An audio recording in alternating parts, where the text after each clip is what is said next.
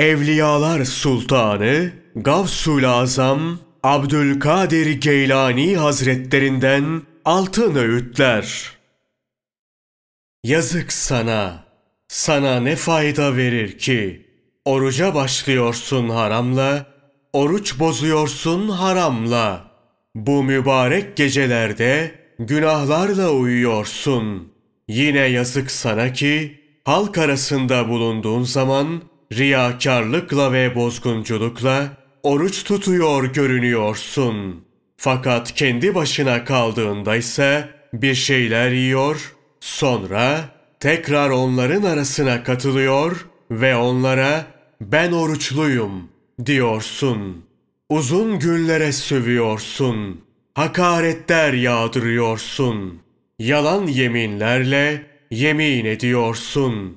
Pintilikle, hileyle, gaspla insanların mallarını ele geçiriyorsun. Orucun sana fayda vermez. Sen oruçlu da sayılmazsın. Çünkü Hazreti Peygamber sallallahu aleyhi ve sellem şöyle buyurmuştur. Nice oruçlu vardır ki aç ve susuz kalmak dışında oruçtan elde ettiği bir şey yoktur.